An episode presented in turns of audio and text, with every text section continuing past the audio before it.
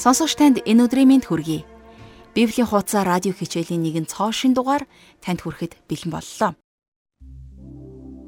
Өнөөдрийн нэвтрүүлгээр Есүс тохиолдож байгаа гайхамшигт үйл явдлуудаар дүүрэн түүхүүдийг бид үргэлжлүүлэн сурах болно. Харин энэ бүх түүхүүд Есүс өөрийгөө гайхуулахын тулд биш. Харин Бурхан өөрийнхөө хайр инэрлийг түүний амьдралаар дамжуулан харуулж а тэр гайхамшигт зүйлүүд тохиолдоод байгааг бид хамтдаа өнөөдөр сурах болно. Есүст найрсаг хандсан бүхэн итгэгчд байгаагүй бид өнгөрсөн хичээлүүдээс мэддэг болсон. Тиймээс нэгэнт итгэдэггүй хүн Есүсийн амьдралаас Бурхныг олж чадахгүй байгааг ойлгодог болсон. Хэрвээ итгэлгүй бол үйл явдлуудыг гаднаас нь харж болохоос гадна учир утгатайгаар ойлгон ухаарч байгаагүй бид хүлээн зөвшөөрөх хэрэгтэй. Яагаад гэхээр альва итгэх шаардлагатай юм заавал тааламжтай сайхан харагдах шаардлагагүй. Ингээд жаргал агшин хичээлд анхаарлаа хандуулахаас өмнө бурханд хандаж залбирцгаая. Бурхан минь би таньдаа онцгойлон талархаж байна. Есүсийн түүхүүдийг домог шиг сонсоод өнгөрмөөргүй байна. Эзэн таны үгийг бид бас нэг чихээрээ оруулаад нөгөө чихээрээ гаргамааргүй байна. Бид түүний түүхүүдээс суралцж таны үгийг амьдралдаа хэрэгжүүлэхийг хүсэж байна. Тэр олон 10 гайхамшгүүдийг сурч судлахдаа түүний цаана байгаа тэр утга учир таны зүрх сэтгэлийг, таны хүслийг олж нээн илрүүлмээр байна. Эзэн өнөөдрийн хичээлийг заах та багшийг маань ивэж юрөөж өгөөрэй. Өнөөдрийн хичээлийг эхнээс нь дуустал нь сонсох боломжуудыг та бидэнд бүгдэнд нь зөвшөөрч өгөөрэй. Энэ цагийг танд өргөж Иесус Христийн нэрээр залбирлаа. Амен. Хариу одоо жаргал агшин хичээлд анхаарлаа хандуулъя. За Матай сайн мэдээ номыг судалж байгаа өнөөдрийн хичээлээр бид нэлээд их асуулт дагуулдаг зарим сэдвүүдээр ярилцах гэж байна. Тэгэхээр Матай 16 дугаар бүлгийн төгсгөлд за хамгийн сүүлчийн ишлэл нь энэ бүлэгт хамааралтай тухай ярьсныг та санаж байгаа. Тэгэхээр Есүсийн хэлсэн энэ үг энэ бүлэгт тайлбарлагдах юм. За юу гэж хэлсэн гэхлээр 28 дугаар ишлэлдэр үннээр би та нарт хэлье. Энд зогсож байгаа хүмүүсээс зарим нь хүний хүүг хаанчлалынхаа дотор эрхийг харах хүртэл үхлийг үл амснаа гэж айлдваа гэсэн ишлэл байсан. Тэгэхээр 17 дугаар бүлэг дээр гарах Есүсийн дүр төрх хувирч өөрчлөгдөх үед энэ нь элч нарын төлөө биелэгдсэн байдаг. За түүний хувирч өөрчлөгдсөн үйл явдал бол хожим хүний хүү өөрийн хаанчлал дотор ирэх дүр төрхийн илэрхийлэл байдаг юм. Энэ талаар Есүсийн дагалдагч Петр хожим нь өөрийнхөө загтал бичгтээ. Өөрсдийн эзэн Есүс Христийн хүч чадал түүний эрх тухай та нарт мэдүүлэхдээ ухаалгаар зохиогдсон үлгэр домгуудыг дагаагүй. Харин бид түүний сүр жавхлан нүдээр гэрчлэгчд байсан. Учир нь түүнийг эцэг бурхнаас хүндлэл ба алдрыг хүлээн авах үед сүр жавхлант алдраас энэ бол миний хайртай хүү. Түүнд миний таалал оршдог гэсэн дуу гарав. Түүнтэй хамт ариун уулан дээр байхдаа Тэнгэрээс гарсан энэ дууг сонссон билээ гэж тэмдэглэн үлдээсэн байдаг. Тэгвэл Есүсийн хэлсэн үг тухайн үед дагалдагчдийнхаа өмнө хэрхэн яаж биелэлээ олсон юм бол? Эзэн Есүс Христ өөрийнхөө гурван дагалдагчтайгаа хамт уулан дээр байхад нь тэрээр алдар дотор тэрний дүр хувирч өөрчлөгдөх яг энэ үед энэ нь биелэгдсэн юм. Тэгэхээр миний бодлоор бол түүний дүр ийхүү хувирч өөрчлөгдсөн энэхүү үйл явдал бол Есүсийн хүний чанарыг харуулаагүй харин хүн төрлөختний найдварыг харуулсан ганцхан илэрхийл байсан гэж би боддог. Хэрвээ та Бурхны хүүхэд болсон бол хожимын нэг өдөр таа ч гэсэн алдар дотор ийхүү өөрчлөгдөх болно. Тэгэхээр энэ тухай Йохан өөрийнхөө загталтаа хайрцууд минь одоо Бурхны хүүхдүүд бидний ямар байх нь хараахан үзэгдээг. Түүнийг үзэгдэх үед түүнтэй адил болно гэдгийг мэд. Учир нь түүнийг яг байгаагаар нь харах болно гэж нэгдүгээр загталтаа бичин үлдээсэн байдаг. Христ шиг байх алдрын дүр төрх хүн бүрийн өмнө байдаг. Эзэн Есүс Христ өөрийнхөө үхэл болон дахин амьлалтын өмнө тийхүү алдаршсан. За түүнчлэн энэ нь бас энд өгөгдсөн түүний дүр зураг байсан. За Лукийн сайн мэдээг үзэхдээ та Матай болон Маркийн сайн мэдээнд тэмдэглэгдээгүй илүү нарийн зүйлсүүдийг харах болно. Яагад гэвэл Лук эмч Есүсийн төгс хүний чанарыг гайхалттайгаар харуулсан хүн байгаа юм. За ингээд бүгдээрээ хамтдаа Матай 17 дугаар бүлгийг нээцгээе. 17 дугаар бүлгийн 1-ээс 2 дугаар эшлэл. 6 өдрийн дараа Есүс Петр, Яаков болон түүний дүү Йохан нарыг дагуулan хідүүлэхнээ өндөр ууланд гарчээ. Тэр тэдний өмнө хувирч өөрчлөгдөв. Түүний нүур нар мэт гэрэлдэж, хувцс нь гэрэл мэт цагаан болсон байлаа. За түүний нүур нар мэт гэрэлтэж гэжээ. Гэрэл түүний гадна талаас туссан биш. Харин түүний дотроос нь гэрэлтсэн. За энэ бол Есүсийн хүний чанар нь хувирч өөрчлөгдсөн явдал байгаа юм. За энэ хүү хувирч өөрчлөгдсөн явдал бол түүний төгс чанарыг харуулсан. Тэгэхээр хувирч өөрчлөгдөх гэдэг энэ үг бол өөрөө маш сонирхолтой үг байгаа юм. За энэ үгийн үндэс нь бол metamorphosis гэдэг үг байдаг. Тэгэхээр энэ үг бол хэлбэр дүрс ямарваа нэг юм өөрийнхөө бүтцийг өөрчилнө гэсэн утгатай. За бяцхан авгалдаа нэгэн сайхан өдөр үзэгсэлэнд ирвэхэ болон хувирдаг яг тэр үгээр энийг илэрхийлсэн байна. Өнөөдөр энэхүү сул дорой гай зовлонгоор дүүрэн бие махбод Христийг эргэн ирэх өдөр хувирч өөрчлөгдөх болно. Энэ бол хүн төрлөختөн та бидний найдвар байгаа юм. За 3 дугаар ишлэгийг харцгаая. Харах тун Мосе Илиянаар түүнтэй ярилцаж байгаа нь тэдэнд үзэгдэв. За Мосе бол энд хуулийг төлөөлж харин Илия иш үзүүлэгчдийг төлөөлөн байна. За хуучин гэрээнд тэмдэглэгдэн үлдснээр Мосе нас барсан болвол харин Илия галан тэргэр тэнгэр өөд өргөгдсөн. Тэгэхээр Лукийн сайн мэдээ номонд Мосе Илия хоёр уулын орой дээр Есүс хэрхэн яаж Иерусалим хотод очиж за мөн тэнд алуулах талаар ярилцгааж байсан гэж тэмдэглэсэн байдаг. За энэ тухай Лукийн 9 дугаар бүлгийн 30-аас 31 дугаар ишлэлээс уншиж болно. Үзэгтэн хоёр хүн түүнтэй ярилцаж байсан. Тэд Мосе, Илия нар байв. Тэд цог жавхлантайгаар үзэгдэж Иерусалимд гүйцэгдэх түүний үхлийн тухай ярьж байлаа гэсэн баг. За хуульч тэр, иш үзүүлэгчч тэр Эзэн Есүс Христийн үхлийг гэрчилдэг байна. За 17 дугаар бүлгийн 4 дугаар эшлэлдэр Петр Есүст Эзэн энд байгаа мань бидэнд сайн боллоо. Хэрв таны хүсвэл энд гурван цацар барьж өгье. Нэгийг нь танд, нэгийг нь Мосед, нэгийг нь Илия зориулъя гэв гэсэн байна. За тэгэхээр Симон Петр бол хизээж төрүүлж ярих боломжийг өнгөрөөдгөө нэгэн байсан. Энэ удаа ч гэсэн тэрээр Мосе Илия нарыг Есүстэй нэг төвшөнд тавихыг оролдсон учраас Бурхан өөрөө тэрнийг зэмлэж байна. Петрийн энэ ирээд цэргүү байдлыг хожим Лук өөрийнхөө сайн мэдэн тайлбарлахдаа тэр юу ярьж байгаагаа ч ойлгохгүй байлаа гэсэн байдаг. Өнөөдөр ч гэсэн олон хүмүүс юу ярьж байгаагаа ойлгохгүй мөртлөө ярьдаг. За энэнийхээ төлөө Петр зэмэл авсан. Тэр зүгээр л дуугүй байх ёстой байсан юм. За 5 дугаар ишлэл дээр тийм ярьж байтал харах тун Гэрэлт үүл тэднийг бүрхэн авахд үүлнээс энэ бол миний хайрт хүү мөн түүнд миний таалал оршдог түүнийг сонсох тун гих дуу гарав. За энэ бол эцэг бурхан өөрийнхөө Есүсийг гэрчилсэн гайхамшигтай явдал байсан юм. Мосе, Илия бусад зүнчүүдийн ярьж байсан зүйлүүд үнэхээр гайхалтай байсан. За Еврей номонд эрт үед иш үзүүлэгчдэр дамжуулан эцэг өвгдөд янз бүрийн арга замаар айлдсан бурхан эдгээр эцсийн өдрүүдэд өөрийн хүүгийн дотор энд хандаж айлдав. Тэр хүүгээ бүхний өвлөгчөөр томилсон гэж Еврей номыг зохиогч 1-р бүлгийн 1-ээс 2-р эшлэлдэр тэмдэглэсэн байдаг. Тэгэхээр хүүн газар дэлхий дээр ирж хүн төрлөختөнд өгөгдсөн бурхны эцсийн илчлэлт болсон юм. Харин одоо бурхны хэлсэн гайхалтай үгэнд анхаарлаа хандуулцгаая. Энэ бол миний хайрт хүү мөн. Түүнд миний таалал оршдог. Түүнийг сонсохтон гэж Тэнгэрээс бурхан хэлсэн.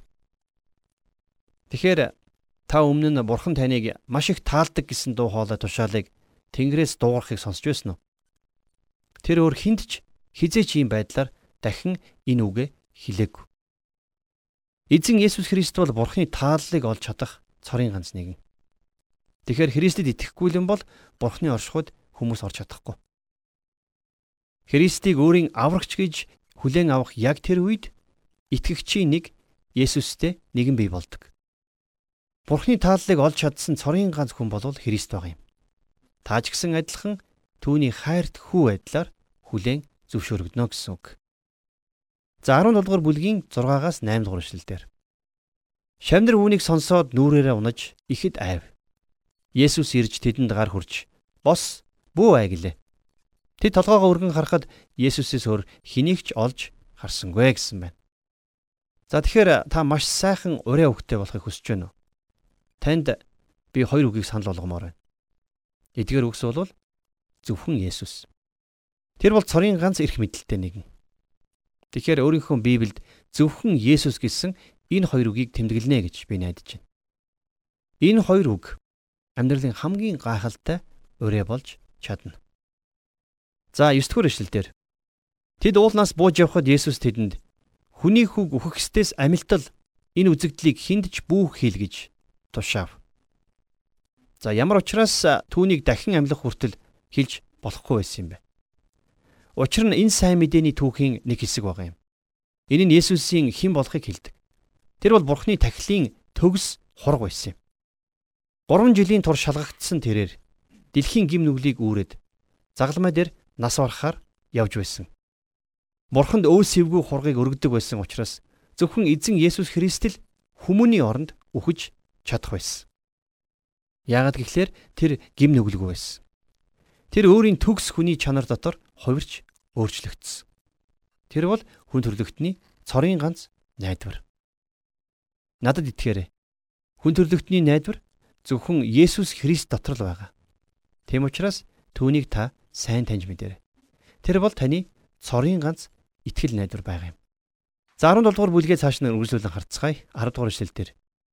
Шамнар нь түүнээс Тэгвэл яагаад хуулийн багш нар Илияг эхэнд ирэх ёстой гэдг юм бэ гэж асуухад тэр хариуд нь Илия үнэхээр ирж бүгдийг сэргээх болно гэж хариулсан байна. За хуучин гэрээний малах номонд тэмдэглэгдсэн зүйлийг Есүс энд баталж байна гэсэн үг.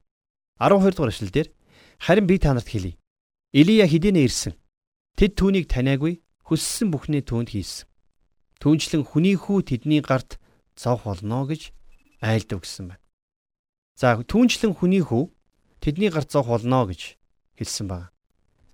Тэгэхээр энэ бол Есүс ойртон ирж байгаа загалмайн үхлийн тухай хоёр дахь удаага дурдсан явдал байлаа. За 13 дугаар эшлэлдэр Тэгэхэд л баптизм хүртээгч Иохны тухай тэр ярьсныг шавнар ойлгожээ гэсэн байна. За одоо ингээд цааш нь нэгэн сонирхолтой түүх гарна. 14-өөс 16 дугаар эшлэлдэр Тэднийг хурсан олон руу ирэх үед нэгэн хүн түүнийг тосон очоод өмнө нь сөхрөн. Эзэн миний хүүг өршөөгөөч. Хүү маань солиотой. Тэр их өвчтөй байна. Гал усанд байнга унаж ойчдөг юм.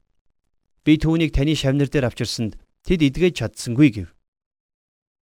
За энэ бол Есүс дээр авчирсан нэгэн муу мэдээ байлаа. Юу болсон гэхлээр дагалдагчид хүчгүй сул дорой байсан байдал нь энэ үйл явдлаар тодорхой харагддаг. За энэ бол маш харамсалтай байсан. За энэ бол чөтгөрт эзлэгдсэн гангасан энэ дэлхийд байгаа хүчгүй сул дорой дагалдагчдын дүр төрх гарч байгаа юм. За ямар тач өнөөх хүн Есүст хандаж Би түүнийг таны шавнар дээр авчирсанд тэд эдгэж чадсангүй гэж илчлэх хэрэгтэй болсон байна.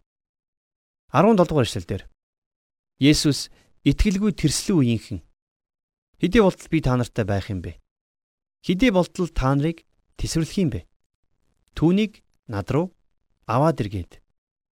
За Есүсийн ингэж хэлсэн байна. Итгэлгүй тэрслэн үеийнхэн гэж. Тэгэхээр энэ үг бол магадгүй өнөөдрийн чуулгануудад хэлж байгаа түүний үг байх магадлалт. За түүнийг над руу аваад ир гэж хэлсэн.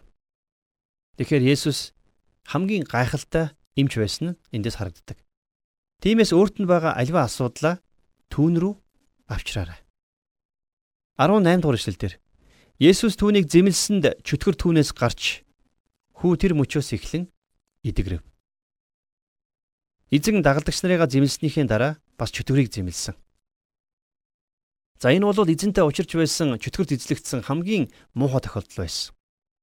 За 17-гийн 19-с 20 дугаар эшлэлдэр Тэгтэл шавнар нь Есүс рүү хідүүлэхнээ ирж Бид яагаад түүнийг хөөн гаргаж чадсангүй вэ гэж асуусанд Есүс Итгэл чинь баг учраас үннээр би та нарт хэлье.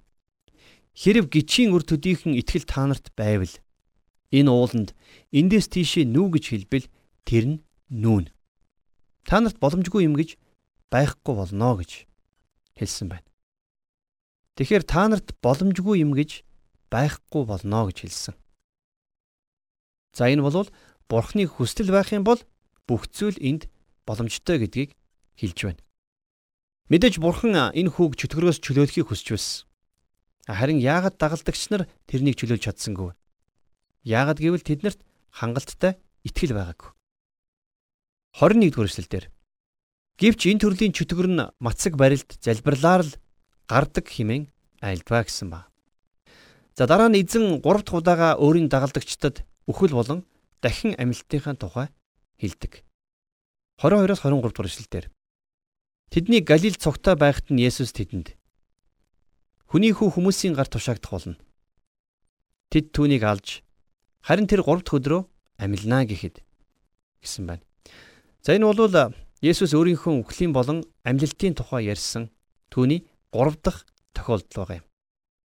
Тэгэхээр тэр анх Цэсар Филиппийн нутагт байхдаа энэ тухай ярьсан. Харин одоо тэд нар Галилд байна. Энэ бүхэн Иерусалим хотод биелэх байсан. За тийм ч учраас тэр Иерусалимыг чиглэн явах замдаа энэ тухай дахин дурдж байна. А гэтэл харамсалтай нь дагалдагч нар нь энийг ойлгоогүй. За одоо энэ тухай төр орхиод тухайн үеийн иргэний үүрэгтэй холбоотой нэгэн чухал түүхийг авч үзцгээе. За 24-р эшлэл дээр тэдний Капернаумд ирэхэд нь 2 драхмын татвар хураагч нар Петр дээр ирээд танай багш чинь 2 драхмын татвараа төлдгүү мө гэсэнд. За энэ бол алба говчуур. За энэ 2 драхмын татвар гэдэг байгаа энэ зүйл бол алба говчуур байсан, сүмийн татвар байсан. За жилдээ нэг удаа сүмд зайлшгүй төлдөг ийм татвар байлаа. За цааш нь харъя 25 дугаар ишлэлдэр тэр төлдөг гэв.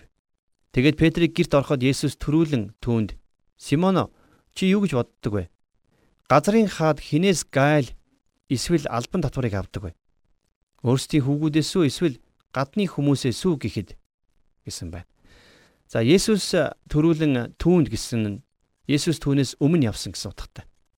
За тэгээд тэрээр гадны хүмүүсээс гэж хариулахад Есүс Тэгвэл хөвгүүд нь чөлөөлөгдсөн байх нь гэж 26 дугаар ишлэлдэр хэлсэн байна. Тэгэхээр Есүс хааны гэр бүл татвараас чөлөөлөгддөг шиг Бурхны хүүгийн хувьд адилхан чөлөөлөгдөх ёстой гэдгийг хэлж байна. Өөрийгөө Бурхны сүмийг дэмжихийн тулд татвар өгөх үүрэг байхгүйг Петрт ойлгуулахыг хүсэж байна.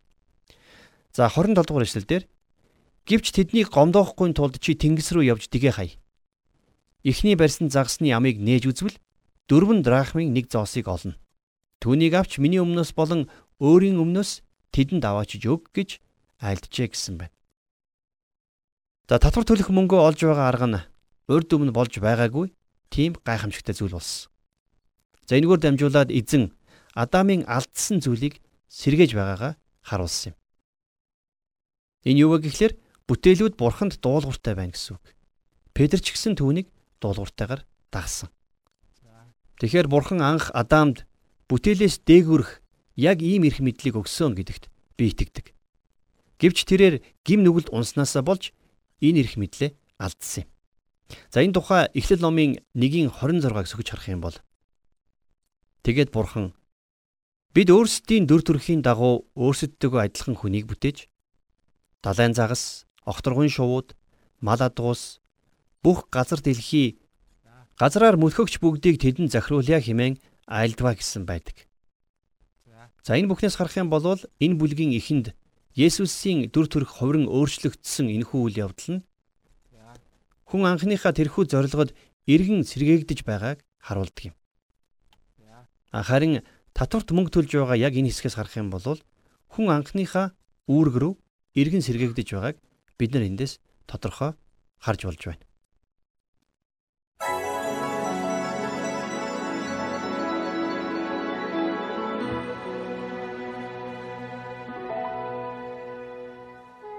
Тэгэхээр монголчууд бид төрөл арилжсан юм шиг өөрчлөгдөнө гэж ярьдаг шүү дээ.